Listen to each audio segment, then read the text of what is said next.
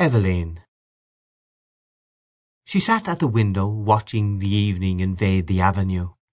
Her head was leaned against the window curtains, and in her nostrils was the odour of dusty cretonne.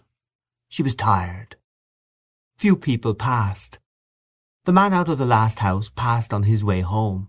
She heard his footsteps clacking along the concrete pavement, and afterwards crunching on the cinder path before the new red houses. One time there used to be a field there in which they used to play every evening with the other people's children. Then a man from Belfast bought the field and built houses in it. Not like their little brown houses, but bright brick houses with shining roofs. The children of the avenue used to play together in that field. The Devines, the Waters, the Dunns, little Keogh the cripple, she and her brothers and sisters. Ernest, however, never played. He was too grown up. Her father used often to hunt them in out of the field with his blackthorn stick, but usually little Keogh used to keep nix and call out when he saw her father coming. Still, they seemed to have been rather happy then. Her father was not so bad then, and besides, her mother was alive. That was a long time ago. She and her brothers and sisters were all grown up. Her mother was dead. Tizzy Dunn was dead too, and the Waters had gone back to England. Everything changes. Now she was going to go away, like the others, to leave her home. Home. She looked round the room, reviewing all its familiar objects which she had dusted once a week for so many years, wondering where on earth all the dust came from. Perhaps she would never see again those familiar objects from which she had never dreamed of being divided. And yet during all those years she had never found out the name of the priest whose yellowing photograph hung on the wall above the broken harmonium, beside the coloured print of the promises made to Blessed Margaret Mary Alacoque. He had been a school friend of her father. Whenever he showed the photograph to a visitor her father used to pass it with a casual word, "He is in Melbourne now." She had consented to go away, to leave her home. Was that wise? She tried to weigh each side of the question. In her home, anyway, she had shelter and food. She had those whom she had known all her life about her. Of course she had to work hard, both in the house and at business. What would they say of her in the stores when they found out that she had run away with a fella? Say she was a fool, perhaps, and her place would be filled up by advertisement. Miss Gavan would be glad. She had always had an edge on her, especially whenever there were people listening. "Miss Hill, don't you see those ladies are waiting? Look lively, Miss Hill, please." She would not cry many tears at leaving the stores. But in her new home, in a distant unknown country, it would not be like that. Then she would be married, she, Eveline. People would treat her with respect then. She would not be treated as her mother had been. Even now, though she was over nineteen, she sometimes felt herself in danger of her father's violence. She knew it was that that had given her the palpitations. When they were growing up he had never gone for her like he used to go for Harry and Ernest, because she was a girl. But latterly he had begun to threaten her and say what he would do to her only for her dead mother's sake. And now she had nobody to protect her. Ernest was dead, and Harry, who was in the church decorating business, was nearly always down somewhere in the country.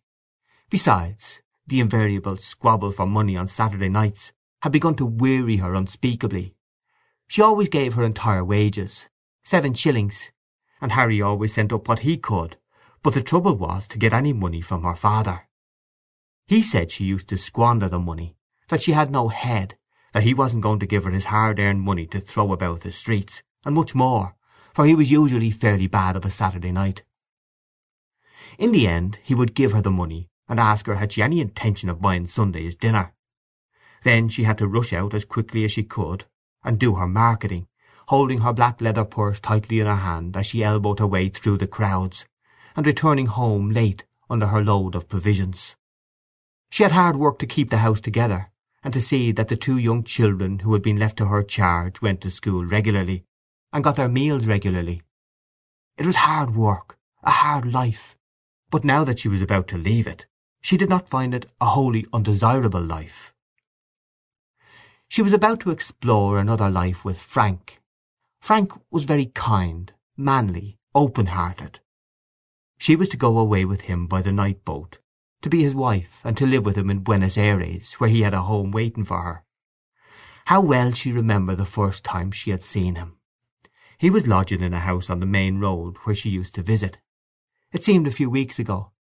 He was standing at the gate, his peaked cap pushed back on his head, and his hair tumbled forward over a face of bronze. Then they had come to know each other. He used to meet her outside the stores every evening and see her home. He took her to see the Bohemian Girl, and she felt elated as she sat in an unaccustomed part of the theatre with him. He was awfully fond of music, and sang a little. People knew that they were courting, and when he sang about the lass that loves a sailor, she always felt pleasantly confused. He used to call her Poppens out of fun. First of all it had been an excitement for her to have a fella, and then she had begun to like him. He had tales of distant countries. He had started as a deck boy at a pound a month, on a ship of the Allan line going out to Canada. He told her the names of the ships he had been on, and the names of the different services. He had sailed through the Straits of Magellan, and he told her stories of the terrible Patagonians. He had fallen on his feet in Buenos Ayres, he said, and had come over to the old country just for a holiday. Of course her father had found out the affair, and had forbidden her to have anything to say to him. "I know these sailor chaps," he said. One day he had quarrelled with Frank, and after that she had to meet her lover secretly. The evening deepened in the avenue. The white of two letters in her lap grew indistinct. One was to Harry, the other was to her father. Ernest had been her favourite, but she liked Harry too. Her father was becoming old lately, she noticed. He would miss her. Sometimes he could be very nice. Not long before, when she had been laid up for a day, he had read her out a ghost story and made toast for her at the fire. Another day, when their mother was alive, they had all gone for a picnic to the Hill of Howth. She remembered her father putting on her mother's bonnet to make the children laugh. Her time was running out, but she continued to sit by the window, leaning her head against the window curtain, inhaling the odour of dusty cretonne. Down far in the avenue she could hear a street organ playing. She knew the air. Strange that it should come that very night to remind her of the promise to her mother, her promise to keep the home together as long as she could. She remembered the last night of her mother's illness. She was again in the close dark room at the other side of the hall, and outside she heard a melancholy air of Italy. The organ player had been ordered to go away and given sixpence. She remembered her father strutting back into the sick room, saying, "Damn the Italians, coming over here!" As she mused, the pitiful vision of her mother's life laid its spell on the very quick of her being, that life of commonplace sacrifices closing in final craziness. She trembled as she heard again her mother's voice saying constantly with foolish insistence, "Derevaun, Seraun! Derevaun, Seraun!" She stood up in a sudden impulse of terror. Escape! She must escape! Frank would save her.